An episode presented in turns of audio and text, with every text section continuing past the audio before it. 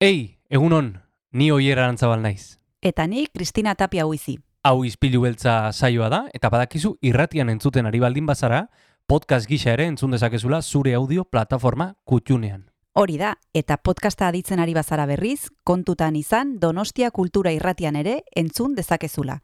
FM eundazazpi puntu lau frekuentzian. Sare sozialetan ere topatuko gaituzu noski, izpilu beltza bilatuta, Instagram, Facebook eta Twitterren. Besterik gabe, guazen gaurko saioarekin. Az gaitezen,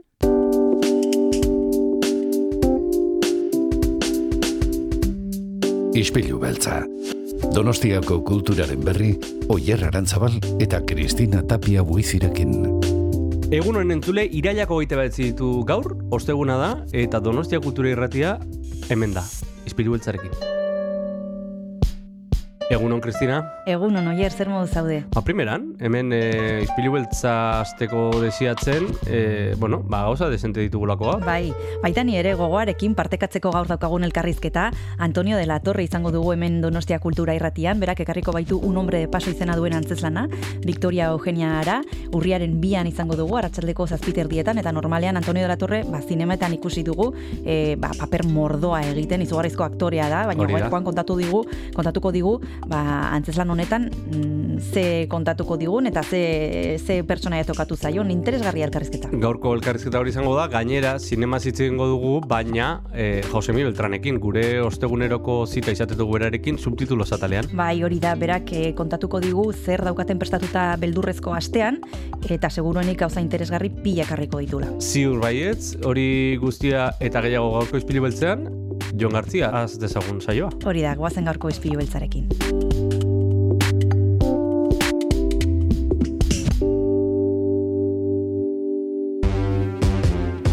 Guazen gaurko saioari hasiera ematera The Du bikotearen Despair Hangover and Ecstasy kantuarekin.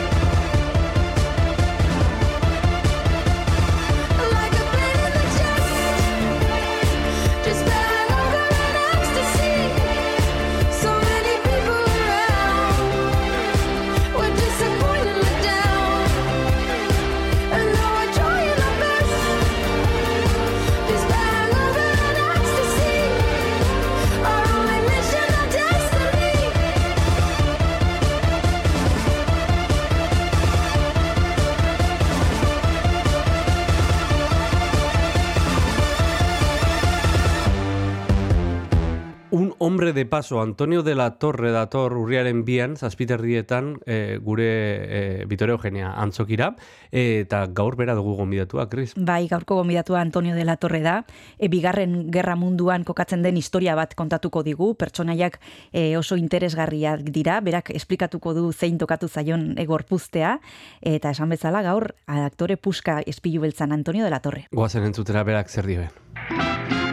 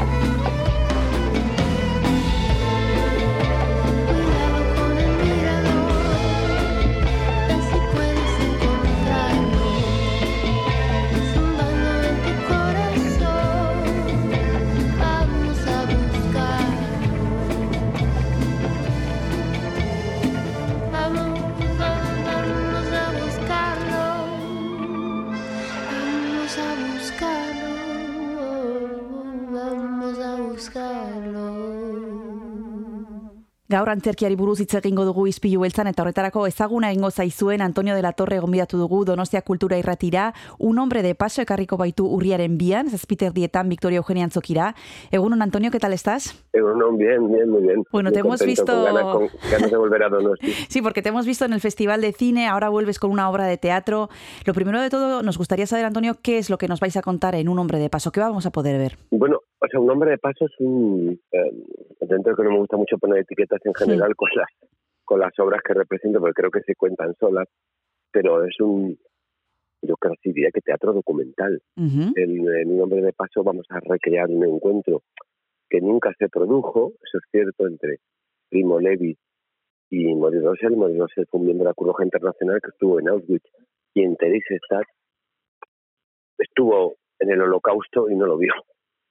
Em, pero estos dos personajes, bueno, Primo Levi, como sabemos, existió, Morelos es el más desconocido, existió también, y, em, y todo lo que se dice en la obra, prácticamente todo lo que se dice en la función, se dijo en la realidad, ¿no? Entonces, planteamos un encuentro, una, una periodista que modera ese encuentro, y claro, las visiones que se van a dar sobre el holocausto pues, van a llevar al conflicto, yo creo que es el motivo central de la, de la función y la desgracia de todas las guerras, o por ejemplo, el terror que se sufrió en Euskadi durante la época de ETA, y es que mm, si todo, o sea, las mayores barbaridades son posibles porque millones de personas como tú, como yo, miran para otro lado. ¿Y qué es lo que te atrajo de esta historia, Antonio, que, eh, como decía, se remonta a la Segunda Guerra Mundial, algo que nos queda lejano en el tiempo, sin embargo, que el tema que trata no nos es tan ajeno? Eh, cuando te proponen este texto, ¿qué es lo que te llamó la atención para decir que sí? Hay conflictos que son universales, que son constantes. O sea, lees a Shakespeare, lees las tragedias griegas, lees- y en realidad eh, hablan de, de- de cosas que se repiten. Y, de hecho lo interesante es eso, que, que o sea, hoy mismo acaba de ganar la, el fascismo en Italia en unas elecciones, justo 100 años después de que lo hiciera Mussolini, un partido heredero, ganó las elecciones. Eh, eh, la realidad es que precisamente me interesaba por un lado porque este tipo de algo tan terrible como el holocausto, si no reflexionamos sobre ello, cómo pudo ser posible, puede volver a ocurrir. Y luego también una cuestión más, más, eh, ¿cómo te iba a decir? Personal, profesional. O sea, yo tenía muchas ganas de trabajar con el Martín Cuenca. Eh, bueno, tenemos una relación muy estrecha, hablamos muy a menudo y siempre habíamos dicho de hacer teatro juntos. Hmm.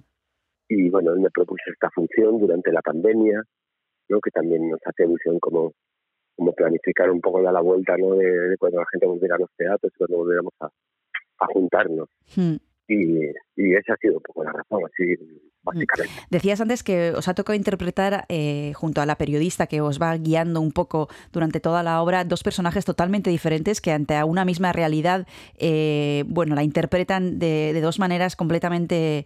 eh, pues eso, claro, es que uno la sufrió y otro no la vio. eso es, eso es. o Eh, sea, quiero decir, eh, Maurice Russell era miembro de la Cruz Roja, era Sí. el encargado de, de, bueno, pues de velar que se cumpliera la Convención de Ginebra y, bueno, que dentro de la locura de una guerra se respetaban tratados y convenios. Y, y en, en el holocausto es que, bueno, es que el exterminio, y que pasó por ese exterminio fue, fue mucho más allá que todas las guerras, es lo más, desde la época, desde que tenemos estudios de, de la historia de la humanidad, sabemos que hay cosas terribles que ha perpetrado el hombre, grandes violencias, pero esta manera tan sofisticada, tan planificada de aniquilar a un, pueblo entero, esa jamás se había producido. O sea, el holocausto es la mayor barbaridad de la historia del hombre. nos vamos a tomar un descanso y ahora mismo volvemos con Antonio de la Torre.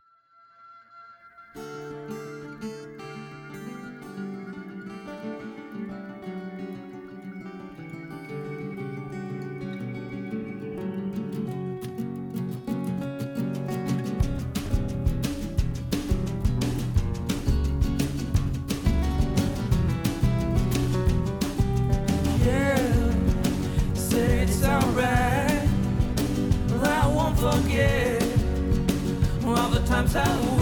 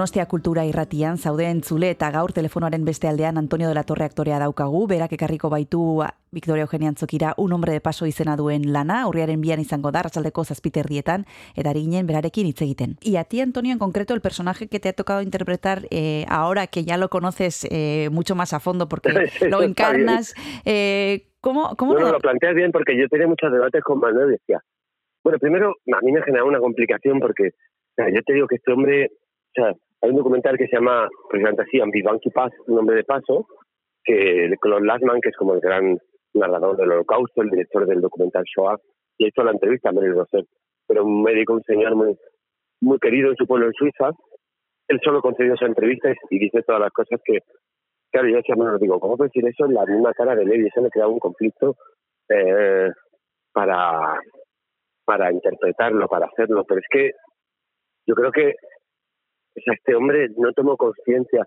Este hombre era muy jovencito cuando fue aquello y lo vivió con, pues digo, con banalidad. Así es que al final, o sea, es la gran tesis que desplegaba Ana Arendt en- cuando estudió los juicios de, de, no, de Eichmann, cuando le, juzgaron en, en, en Jerusalén. Es que eh, la banalidad, o sea, eh, eh, lo terrible del holocausto, ¿cómo te lo dirías?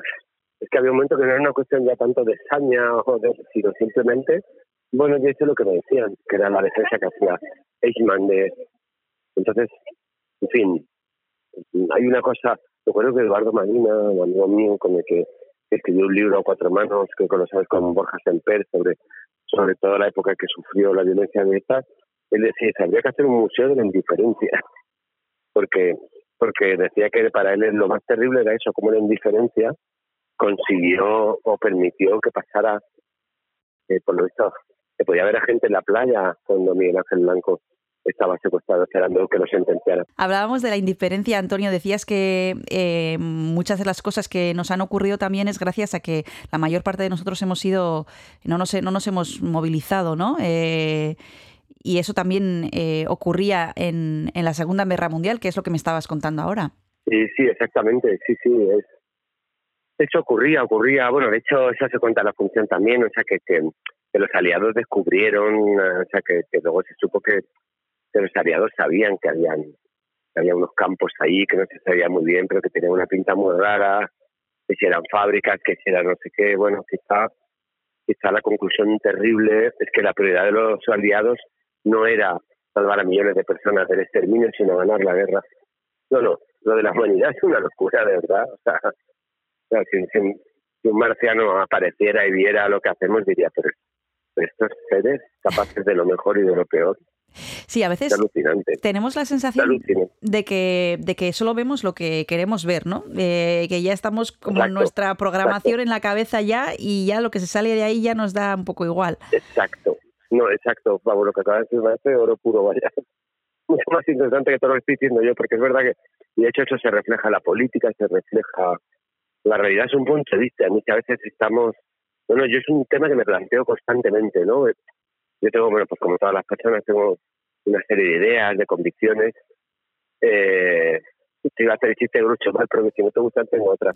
No, pero que, pero que realmente me doy cuenta muchas veces que tengo como que replantearme, tengo que, sí, sí, es, y es, es complejo, no sé, supongo que, que es más fácil a lo mejor vivir en, en la certeza que en la duda, pero en el fondo lo más honesto, lo más, y que creo que lo que más servicio hace para una convivencia pacífica es vivir en la duda, pensar que a lo mejor no tienes tanta razón.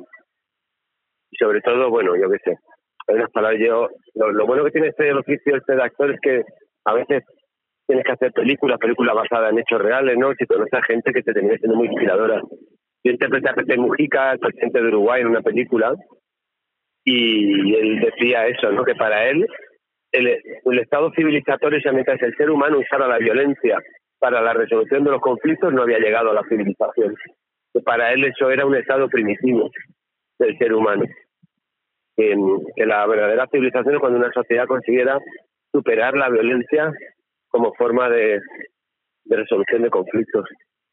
Y sería un camino hermoso, pero bueno, ya sabes que tenemos una, una guerra a las puertas de Europa y a veces incluso con amenaza de, una escalada nuclear, así que te voy a contar. Hablabas antes de tu oficio de actor, Antonio. Es un trabajo que te ha permitido encarnar a personajes eh, de todo tipo de todo tipo, ¿no? De todo pelaje, podríamos decir. Y eso también supongo que te ha podido permitir eh, reflexionar sobre cosas. No sé si en este caso has pensado o, este trabajo, un hombre de paso, te ha hecho pensar en cosas en las que ahora no te habías parado. Eh, algo que, que, al investigar sobre estos personajes y al trabajarlos eh, hayas dicho, bueno, esto me está resultando novedoso o, o no te habías parado con tanta profundidad. Sí, sí, muchísimas cosas pues bueno, no sé, una película que se llama El Reino, donde abordamos el tema de la corrupción sí. y nos vimos con mucha gente, nos vimos con jueces, con políticos, con, con gente que estaba inmersa en procesos judiciales, Sí. que ahora está en la cárcel, Sí,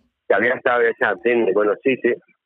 Y luego, bueno, hay una cosa que se produce siempre, ¿no? O sea, al final hay una empatía siempre que, que, que te, que, que te pasa. Creo que también, por otro lado, es esencial para, para ejercer el oficio de actor, o sea, tienes que eso me lleva a otra reflexión, ¿no? Que para, para interpretar un personaje de alguna manera tienes que entenderlo. Hablabas, Antonio, de la empatía que necesitas para poder interpretar a un personaje. ¿Empatía con todos los personajes? Con todos. Incluso no con los... si no. Sí, me refiero a que... Eh... No, hombre, es que una, una no pesa, que lo sea, un asesino pesa, que tiene una razón para hacerlo. Hmm. Esto me lleva a un debate complejo, pero es, esto lo he hecho muchas veces. Y hablando, no antes mencionábamos el tema de la, de la violencia, ¿no? De, de Euskadi, pero el, la, la, la violencia no tiene justificación, pero sí tiene explicación. Nos vamos a tomar el segundo descanso y volvemos ahora mismo para hablar de un hombre de paso.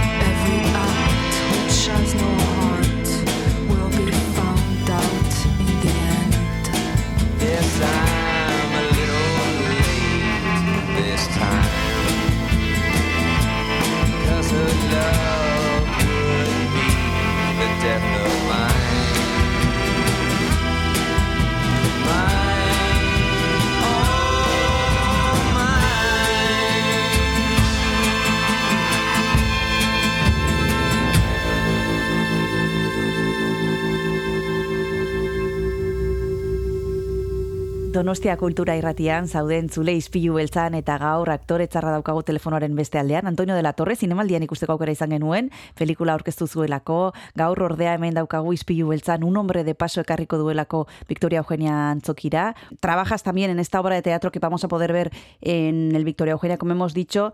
Eh, Tienes a tu lado a Juan Carlos Villanueva y a Natalia Hernández y a los mandos ha estado y está Manuel Martín Cuenca.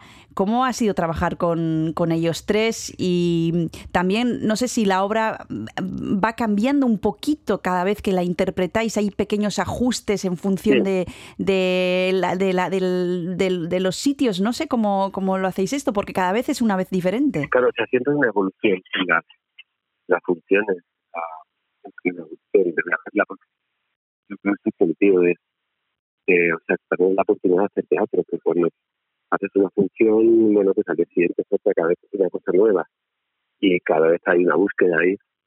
Y luego, bueno, pues claro, siempre no te hacen justas cosas, es un proceso, es una evolución hacia un imposible, ¿no? Es hacer la, la obra perfecta. Pero bueno, sí, pero de hecho eso es lo hermoso del viaje. Entonces una película ya queda ahí hecha, ya esto ahí quedó. Pero bueno, cuando haces una función, pues, pues la vas trabajando, la vas, vas puliendo cosas, sí, sí, sí, y, y no tiene que ver la función que se hace con la que con la última que haces, claro. claro. son dos procesos de trabajo totalmente diferentes, Antonio. Encima del escenario cada día es diferente. En, el peli- en unas películas, como decías tú, lo que se graba, se graba. Yo no sé dónde te, dónde te sientes más cómodo. Supongo que cada cosa tiene, como todos los trabajos, sus cosas buenas y sus cosas malas, Sí. pero ahora que, por ejemplo, te podemos ver eh, con un hombre de paso, ¿qué gustillo le estás cogiendo al teatro? ¿Qué cosas bonitas tiene el teatro que, que ahora puedes eh, hacer, no, por bueno, ejemplo? pues eso, la búsqueda, el viaje, que están pasando cosas distintas, que, que mm, como que puedes, ah, em, puedes buscar otras maneras distintas en ese lugar al que, eh, en el que contar ese relato, ¿no? Aunque el conflicto al final es el mismo, que es alguien que estuvo allí, lo vivió de una manera y otra persona le confronta la gravedad de lo que pasó allí y entonces llega un momento que, se enfrenta al dilema de tener que asimilar la irresponsabilidad de su manera de actuar.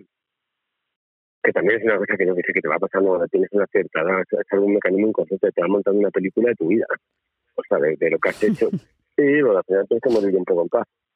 Entonces te montan una película de lo que has hecho, y te dice esto, dice aquello y tal, cosas que te han ido pasando, porque es que si no, no te lo soportes. Entonces, bueno, yo creo que a este hombre le pasó lo mismo. De hecho, pasa una cosa muy llamativa en el...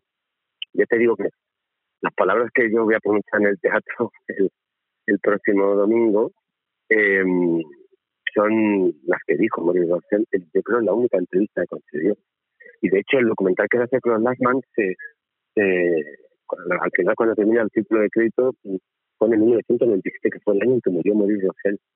Y creemos, esta es una teoría nuestra, es que Maurice Rossell no le gustó nada la entrevista y no le dio permiso para publicarla hasta su muerte porque de alguna manera, bueno, él, al parecer era, yo, yo he dado cuenta de, de él toda que pedía, una persona bastante querida en su pueblo, al parecer muy como muy respetado entrañable, pero claro, en el documental que da, pues eso como un hombre de paso.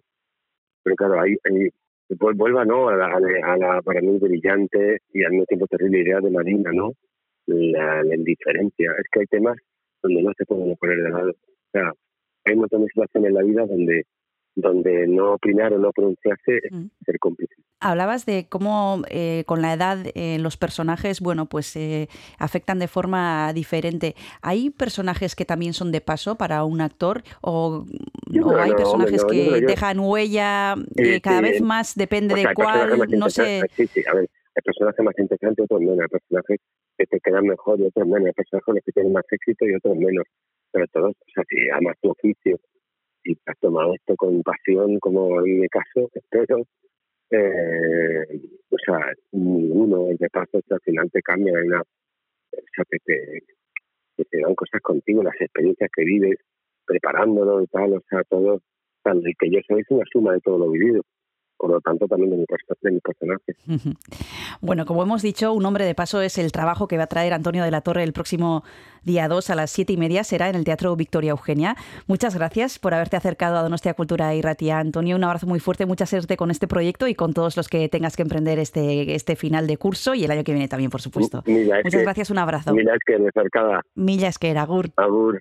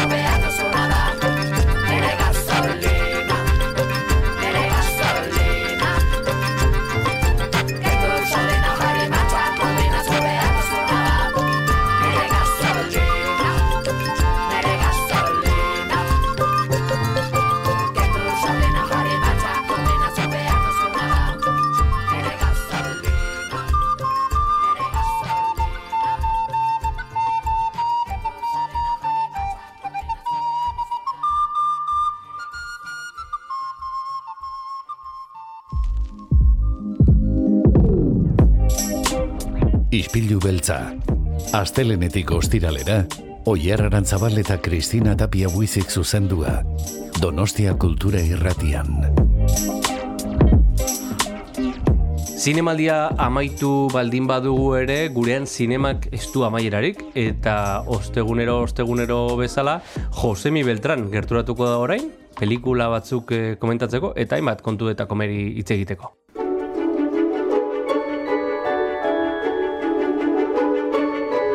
Azpitituloak, subtitulos, Josemi Beltranekin.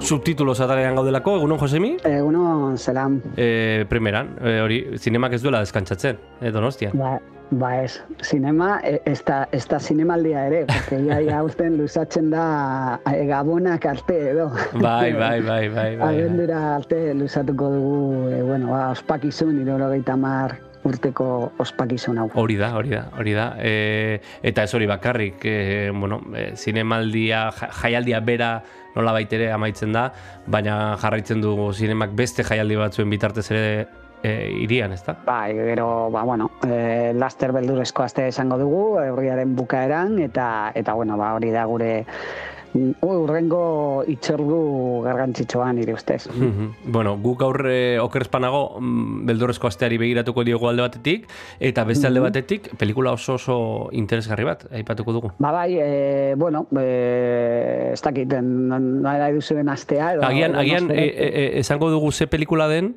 eta Bai. abesti bat entzungo dugu. Vale, vale, ba, bueno, e, bueno, ba, lehenengo gure zikloaren, tabakalerako nosferatu zikloaren lehenengo, lehenengo pelikula da Inistoak de Van, e, aizearen historio bat edo, eta e, dokumental bat, eta eta horrekin hasiko gara, ba, ba azkenengo hiru hiru hileko haren programazioa, e, eskainitakoa ba, e, zinemaldiari, baina, bueno, gero, e, zeo zer gehiago e, komentatuko dugu. Momentuz aukeratu dut e, Beautiful Girl abestia, e, Pete Droget, Drogs da, da abeslaria. Entzun dezagun eta jarraian e, itzengo dugu, un histoire de band filmaren inguruan.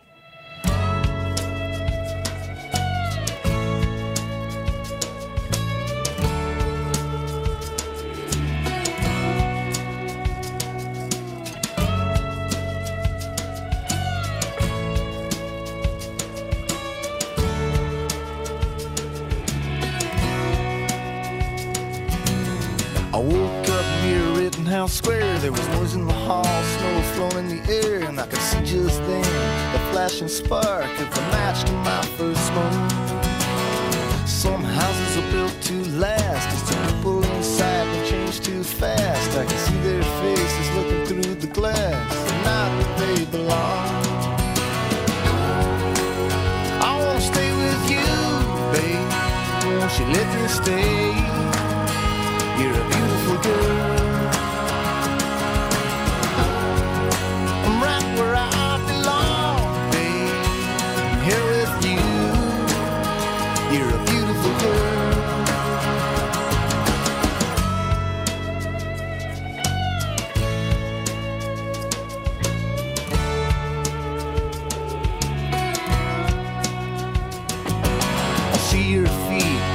Edge of the bed while a low love song's creeping into your head. As your eyes just closed, I could only guess if you were dreaming with me again.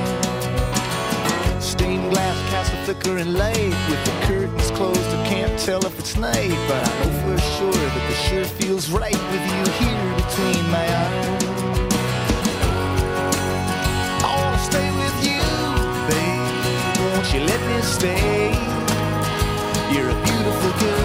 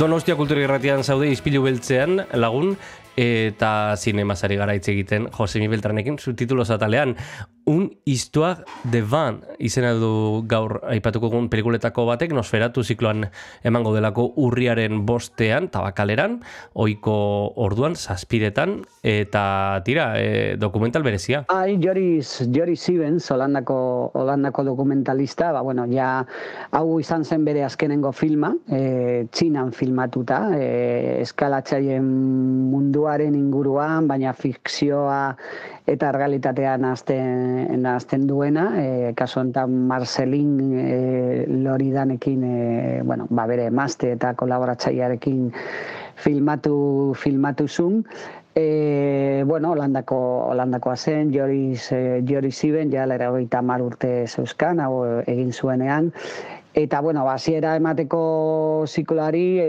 ja azkenengo urteak, edo zinemaldiaren, bueno, ba, urte agian, ba, mm, gugan urbilago edo dauden zenbait urteekin, ba, dokumental gehiago izango dugu ziklo, zikloan, aurten, adibidez, gero jarraian Barbara Koppel, American Dreamekin, edo en Construcción, Jose Luis Gerinen lana, Amaika film izango dira, abendura arte, abenduaren e, amala, amalagura arte. Eta, bueno, e, azte aste joango gara hitz egiten hemen gure gure atalean, hori ziur, eta, bueno, zehaztuko dugu gehiago film, film bakoitza. Adibidez, baita, Beautiful Girls e, estatu batuetako fikzioa, e, filma izango da, eta horregatik ba, aukeratu dut e, gure, gure aurtengo abestia, baina Bueno, nire ustez, e, au- aukeraketa honetan, azkenengo aukeraketa honetan, bagian agian filmak ez dira hain ezagunak, baina baina bai bai izenak, e, ez dakit, eh, Nicolas Winding Refn, edo Pablo Larraín, Naomi Kawase, edo edo Hamaguchi Japoniako zuzendaria, ba egongo dira egongo dira zerrenda zerrenda berri horretan. Gainera, okerespanago, tabakaleran emango den, e, e, bueno, emanaldia, e, versio originalean izango da, edo euskarazko subtituloekin, ezta? Bai, batzuk e, irudilok hileko honetan, ba, beti bezala, ba, batzuk euskarazko bertsioan emango dugu, aspidatziekin, eta kasu honetan inistoa de ban, baita ere euskarazko bertsioa izango da, berez hizkuntza frantsesa eta eta mandarina, e, mandarina da. Mhm. Tira, ba, entzun dezagun e, dokumental berezi honen e, trailerra, eta segidan gara bueltan.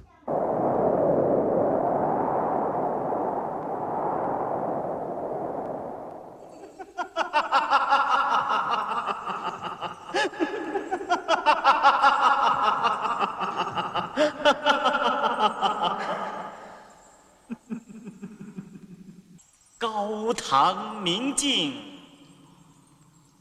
悲白发。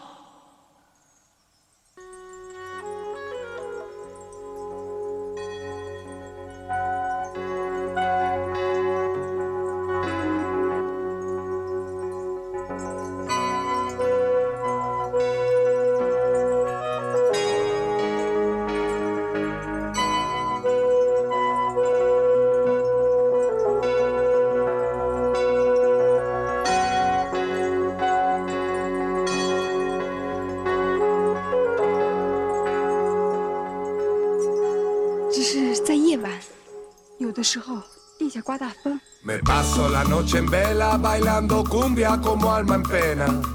Me paso la noche en vela bailando cumbia como alma en pena. Hasta el día en que me muera, hasta el día en que me muera. Me paso la noche en vela bailando cumbia como alma en pena. Arráncala.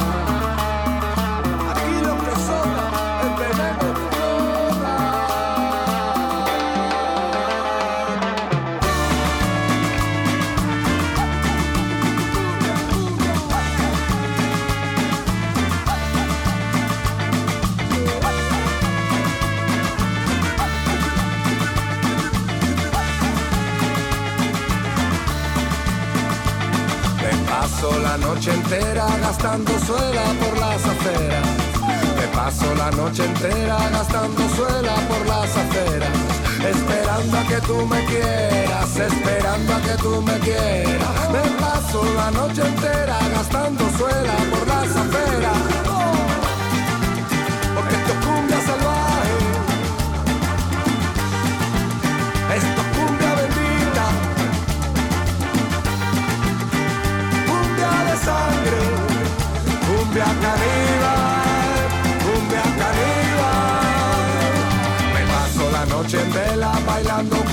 como alma en pena. Me paso la noche en vela bailando cumbia como alma en pena. Hasta el día en que me muera, hasta el día en que me muera. Me paso la noche en vela bailando cumbia como alma en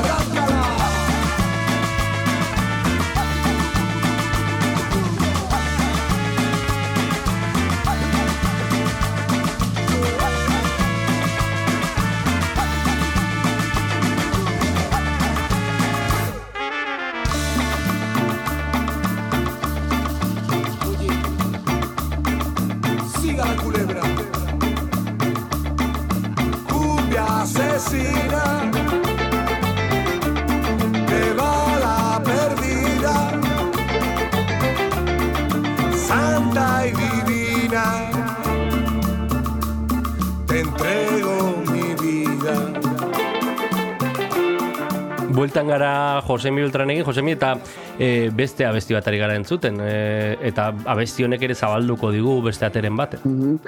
Bai, hau da, kumbia kanibal. kumbia kanibal guztiz aldatzeko, eskorzo, eskorzo taldekoa.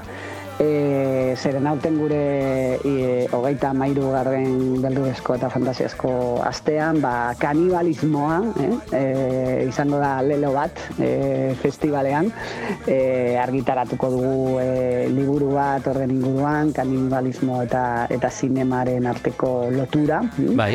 E, eta film batzuk egongo dira, zaharrak eta berriak, baita ere gai, gai hori aitzakia, aitzakia gisa, adibidez, aurten, bueno, ba, egin dugun lehenengo aurrerapenan, e, izango dugu estatu mailako estreinaldi bat, American Carnage, da estatu batuetako ekoizpena, e, bueno, hamburguesen munduen inguruan, eh? eta, eta distopia bat nazten da, eh? gaztentzako distopia bat. Begira. Fi- Oso film, bai, oso film berezia da, zeren berez e, Madrilen eta Espainian filmatu da, baina baina guztiz estatu batuetako filma da, ekoizpena, aktore, aktoreak, e, bueno, adibidez, Jenna Ortega dago e, kastinean, e, bueno, da nahiko ezaguna orain aktore hau, e, eta bueno, oso diverti, divertigarria da, da komedia eta beldurezko osagaiekin osatutako filma, Eta, bueno, adibidez, hau izango da, bueno, ba, osagai, aragai, aragizko osagai bat gure, gure altengo beldurezko astean. Entzun dezagun trailerra film horretakoa ere.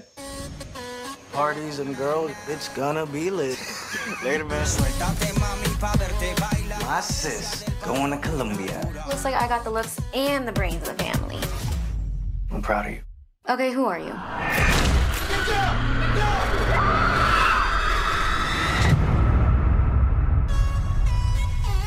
Governor Finn wants all detained immigrants gone by election day. God, I deported. Zero tolerance. The DA is offering to drop charges if he volunteers to help care for senior citizens. At Owl Cove, we truly appreciate you being here to help out our seniors. How am I supposed to eat this nasty ass meatloaf? Psst, Micah, I suggest you say something, you know, because your skin. I'm Argentinian, boludo. If you stick to the program, your time here should be pretty fast and easy. You will die here. Sorry? Ooh, you really got away with the ladies. Beldurrezko asteaz ari gara izketan e, ber, berauen e, zuzendariarekin eta Donostia kulturako zinemalorreko buruarekin. Ostegunero bezala esango dugu, eh? ostegunero juntatzen gara gauza bat edo beste aipatzeko beti zinemaren bueltan. Eta, bueno, e, beldurrezko astean baditugu pelikula interesgarri asko eta ba, bateren bat ere e, Euskal Zaporea duena. Bai, bueno, Euskal Zaporea eta eta errikitan gaude guztiok e, e, ikusteko hau ez da, e, Paul Urkijoren babigarren luze metraia, irati, e, Euskaraz egindako fantasia, kondaira, e, bueno, ba, benetan, benetan oso film e, polita, eta gure inaugurazia, gune horrezko inaugurazia izango da, urriako geita sortzi, e, Sitxeseko festivaletik pasa eta gero, hango zail ofizialean egongo da, gainera justu datorren astean, E, baina, bueno, han daude, bueno, eneko zagaldoi, edunde azkarate, itxiar ituño, eta beste, beste euskal aktore asko, e, ba, bueno, e, sortzigarren mendean kokatutako historio batean, e, euskal folklorearekin, euskal mitologiarekin lotutako e, historia, komiki bat harten, a- hartzen du oinarri gisa, e, bere garaian Josean Muñozek eta Juan Luis Landak argitaratu zuten El ciclo de irati e, komikia, Baina, bueno, bere estilora hurbiltzen du e, Paulek, Paul Urquijo. E, bueno, ba, benetan, benetan nik uste du, ba, ba, bueno, oso momentu polita esango dela, beldurrezko ostean hau hau ikustea eta eta dudarik bare, bari, duda, dudabarik ba, bueno, e, e, aurtengo euskal ekoizpenen artean ba, ba, interesgarrienetako bat da irati. E, e, eta zer aurreratu zenezake, zuk ikusi duzula pelikula, bota e, berotzeko zerbait? Mm, bueno, nire ustez, e, bueno, ja da aurrekontu handiagoa, errementarirekin konparatuta, e, aurrekontua handiagoa izan da, eta benetan Paulek, e, bueno, ba, demostratzen du edo, ba, ze almena duen e, ba, gauzak ondo egiteko, ba, ja, ba, bueno, aurrekontu duin, baina duinagoa daukanean, e, ez dakit da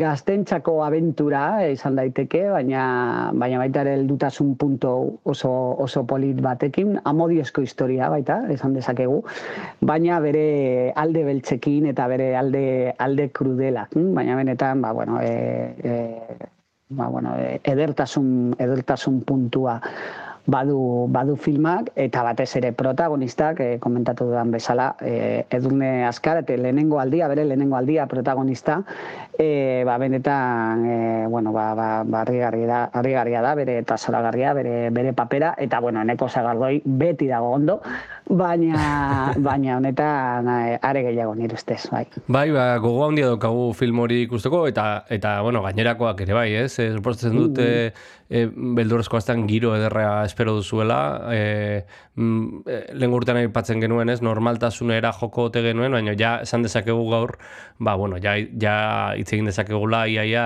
ez? Normaltasun erabatekoaz, ez? Bai, gainera, bueno, irati eta American Carnage aparte, ba, beste, beste zenbait film iragarri dugu, e, bueno, Europako zenbait filmak, komediak, e, Matt Heidi adibidez e, Suitzan kokatutakoa, edo Quentin Dupiel zuzendariaren azken lana, Fimer Fetuse, e, Koreako Project Wolf Hunting monstruo batekin eta akzioz betetako filma, edo Ultraman Japoniako pertsonaiaren e, azkenengo, azkenengo bertsioa. Eta Euskal partaidetzarekin daukagu adibidez viejos, eh, viejos da, bueno, Espainiako ikoizpena, Raúl Cerezo eta Fernando González dira zuzendariak, baina protagonista da Sorion Egillor, e, bueno, eta benetan bere ba, papera baita oso, oso, oso indartsua da e, filma honetan, eta eta nola nadazten du, ba, bueno, e, ba, hori, ba, zaharren mundua eta beldurgaren mundua, e, benetan, eta komedia, eta komedia baita, benetan filma oso, oso, oso, oso divertigarria da.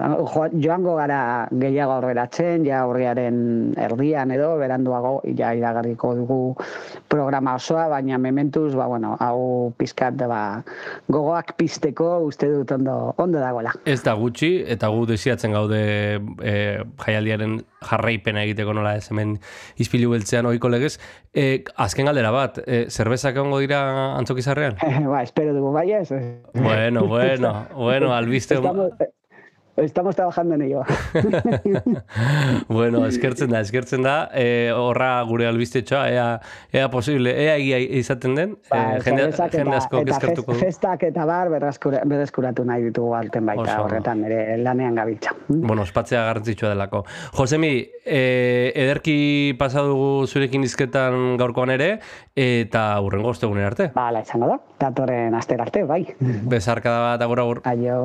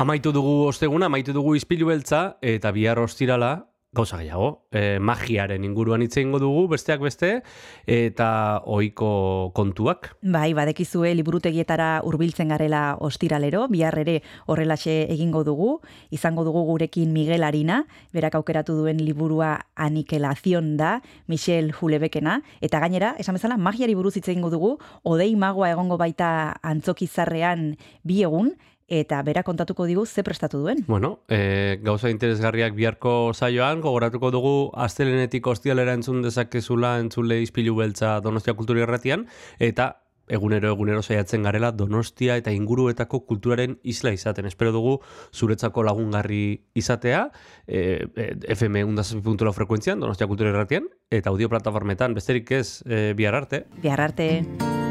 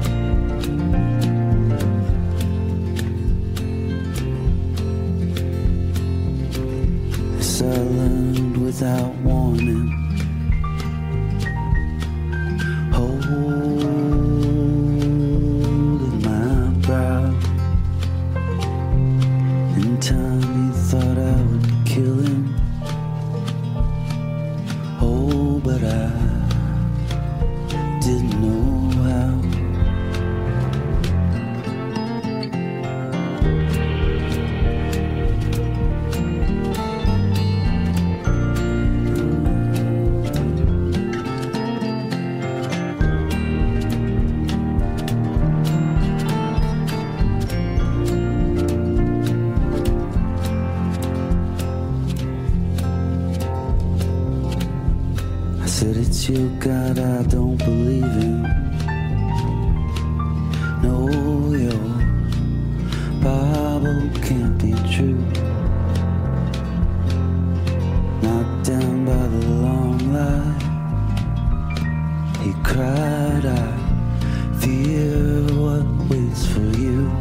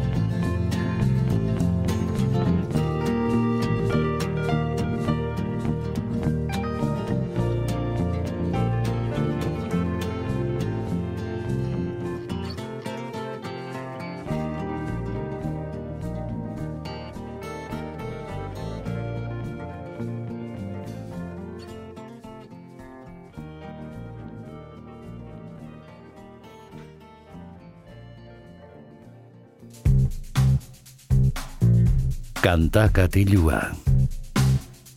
Jon Gartziaren eskutik. Kaixo entzule, ongi etorri gaurko kantakatiura iritsi gara izpilu beltzaren amaierara. Osteguneko saioa amaitu da, baina oraindik eh, musika geratzen zaigu, beraz eh, ez mugitu eta zorroztu belarriak izan ere Regina Spector izeneko artistaren Home Before and After eh, diskoa entzuteragoaz.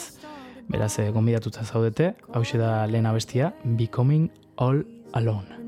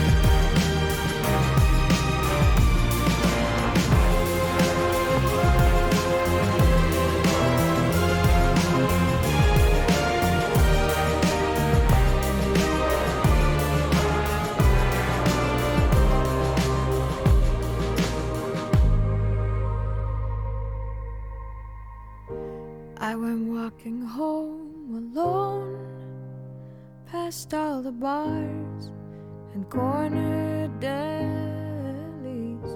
When I God, please call, call my name. And I said, hey, let's grab a beer. It's awful late. I know you're here, and we wouldn't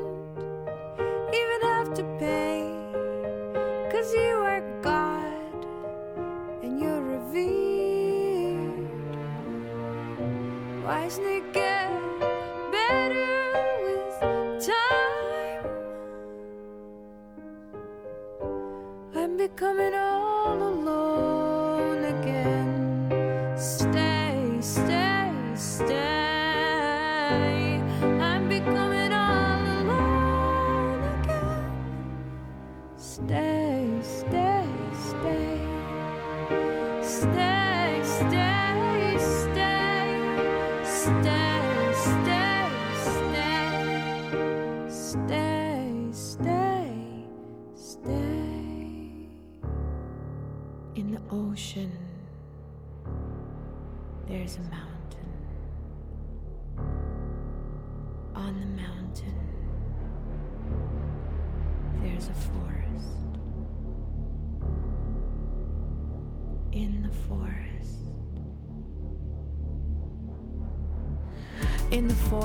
there's a garden. In the forest, there's a garden. In the forest, there's a garden. In the forest, there's a garden.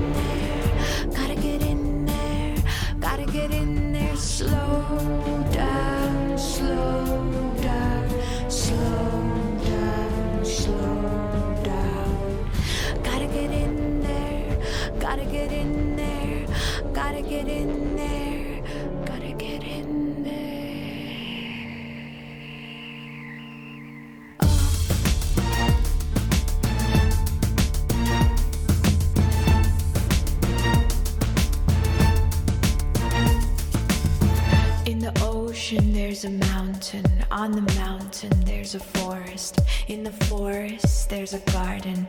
In the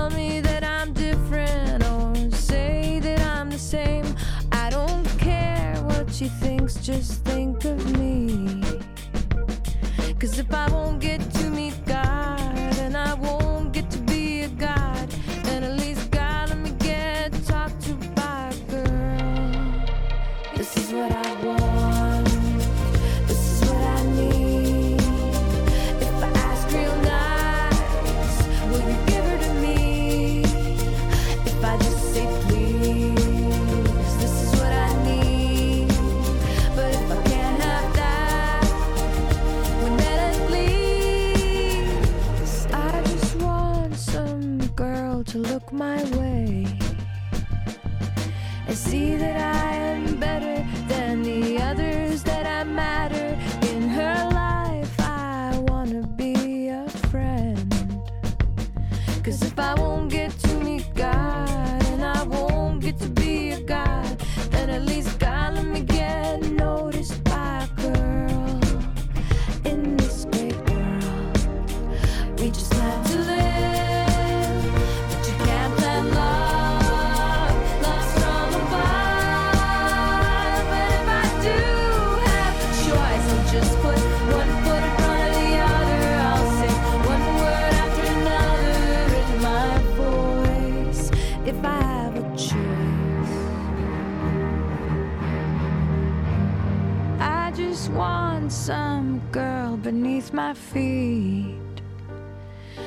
tell me I'm her king and then beg me for a ring.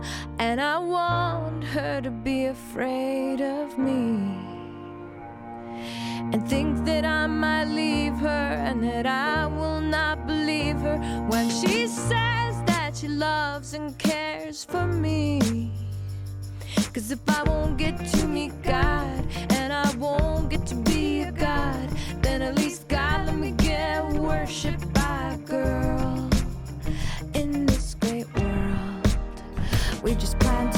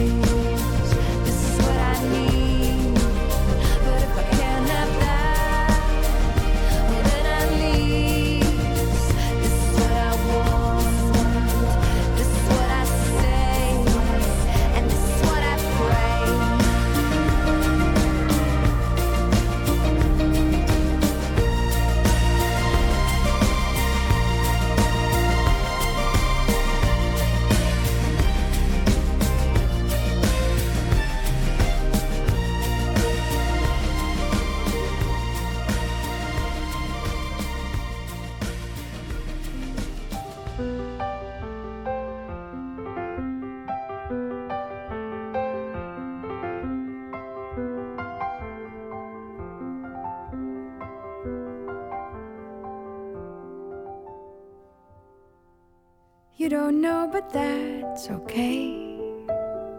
You might find me anyway. Don't you know that I belong arm in arm with you, baby? In a town that's cold and gray, we will have a sunny day. Don't you know that I belong arm in arm with you, baby? Baby, I do not know where does it go when it goes. Suddenly, though, everything's slow and I miss you so.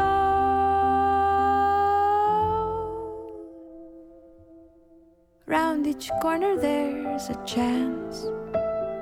People searching glance to glance, moving about real fast like insects and fish when they're scared.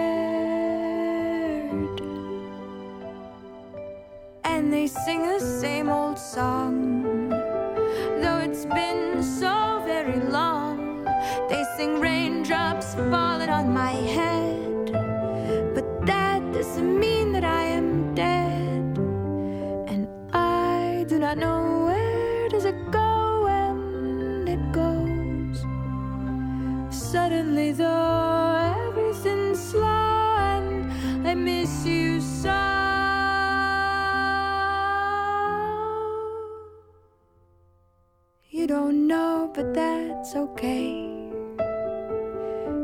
find me anyway. Don't you know that I belong arm in arm with you, baby? In a town that's cold and gray, we will have a sunny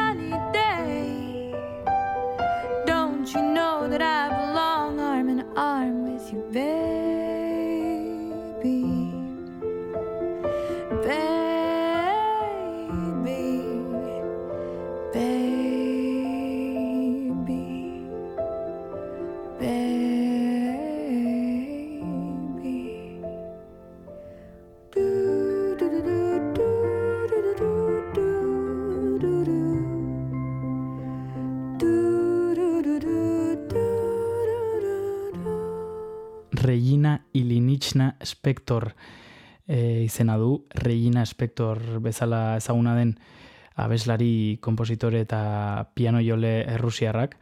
Sovietar batasunean Moskun jaio zen mila bat zirundalaro garren urtean, baina gaur egun estatu batuetan dago nazionalizatuta, eta entzuten eta ezagutzen ari gara gaurkoan eunda zazpi puntola frekuentzian bere azken lana den Home Before and After izeneko disko ederra, 2008 bi garren urtean kaleratu du aurten, eta tira guazen beste abesti bat eh, ezagutzera, hau da Sugarman. They turn to gray when you're away. I'm not your doll, I'm not your pet, but I'm not my own ever since we met. I edit my thoughts, I edit my words, I eat and drink till nothing hurts. But one of these days, love will turn to hate, and I'll bite the hand that feeds me cakes. Sugar man, sugar man, sugar man, sugar man, sugar daddy, sugar daddy, sugar daddy, sugar daddy, sugar man, sugar man, sugar man, sugar man, sugar daddy, sugar daddy,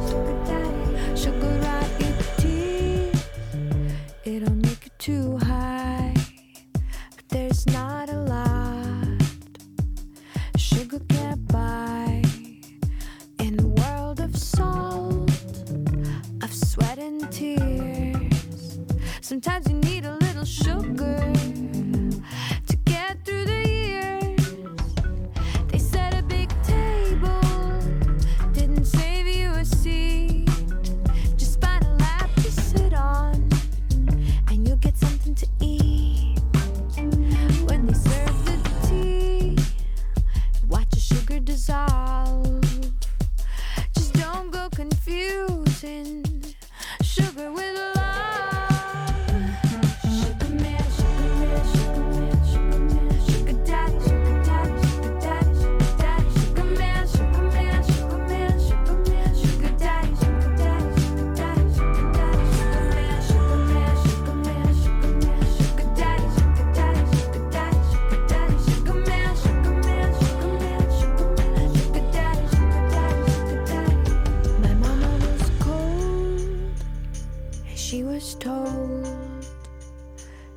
never been young, so she never grew old. She took a deep breath and never exhaled. Lived the rest of her life from under a veil. I grew up quick, but I grew up strong. Didn't get to be her baby too long.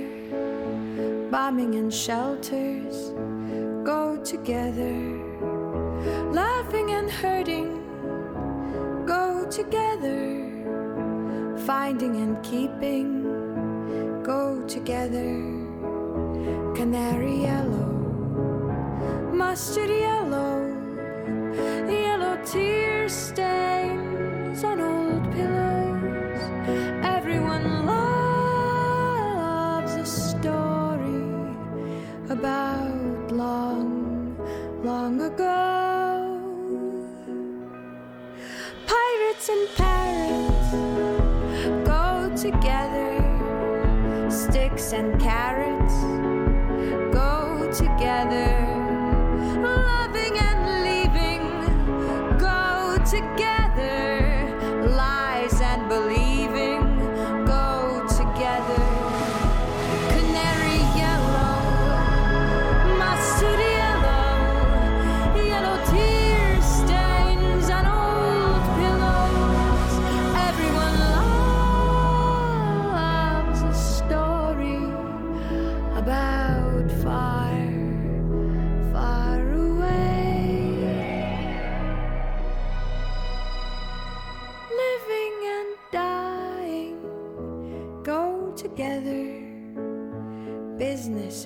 right.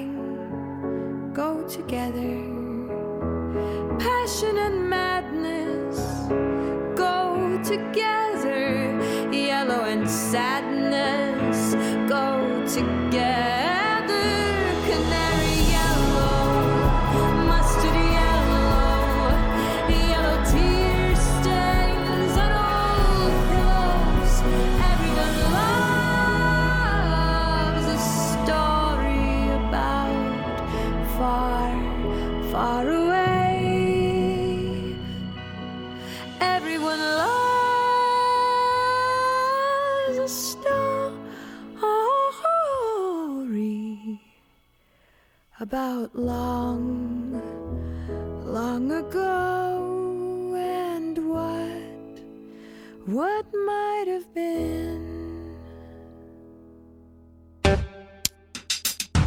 Donostia kultura irratia zurea ere bada. Satos eta parte hartu.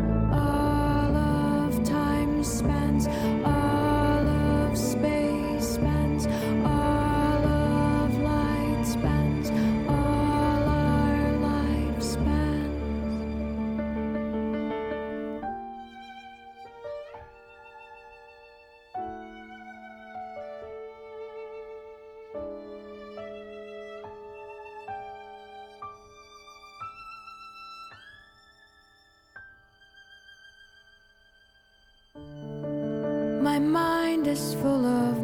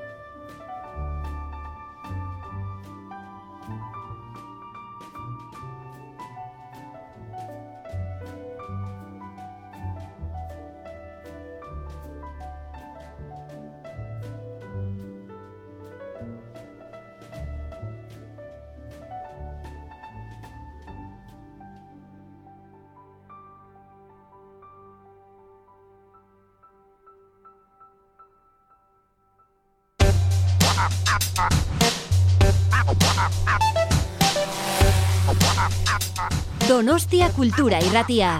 Zabaldu gurekin Donostialdeko kulturaren leioa.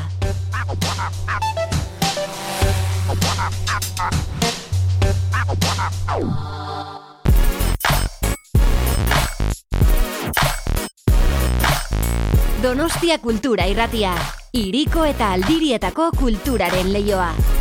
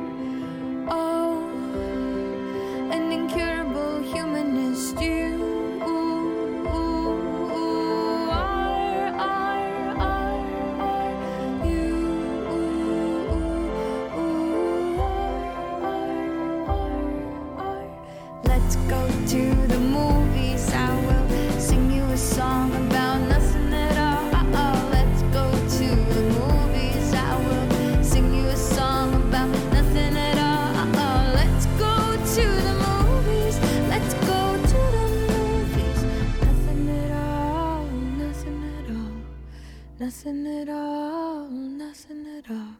All.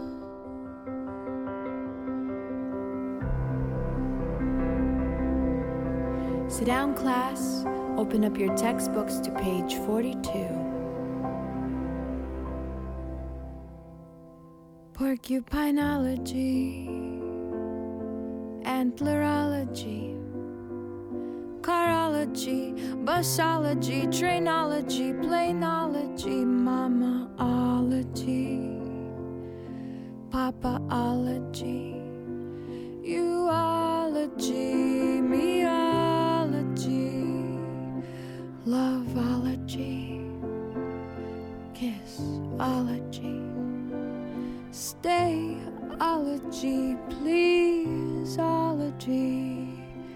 Let's study class. Let's study class. Sit down. Loveology, loveology. I'm sorry, sorryology, forgive meology. Loveology, loveology. I'm sorryology,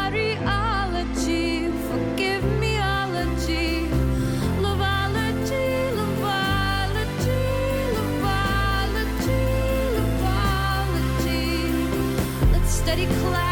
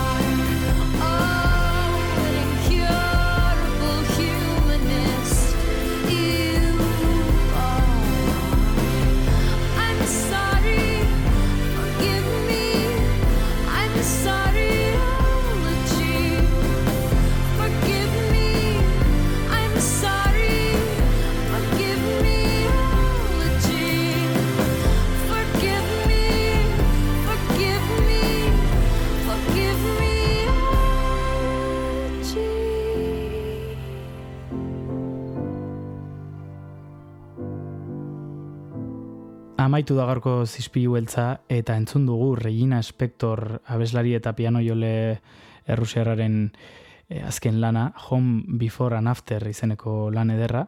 Orain entzun dugu Lobologi izeneko kantua eta azkeneko kantuarekin Through a Door izeneko abesti ederrarekin utziko zaituztegu, bihar ostirala dugu, e, asteko azken saioa, eta beraz, ba, besarkada bat eta bihar arte.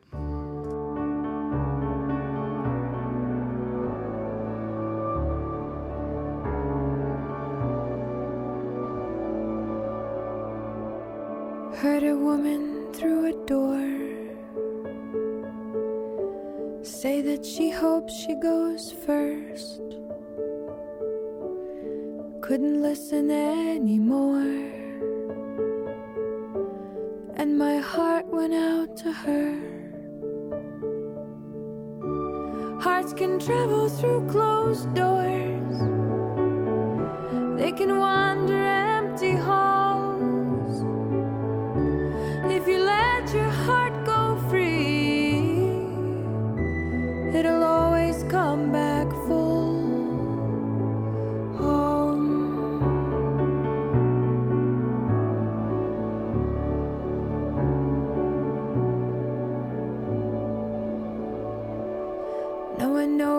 but me.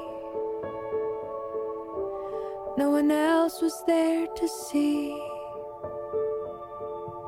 The world had changed a little bit. A tiny tear, a tiny rip. When I went out, I took the stairs so I could think and be alone.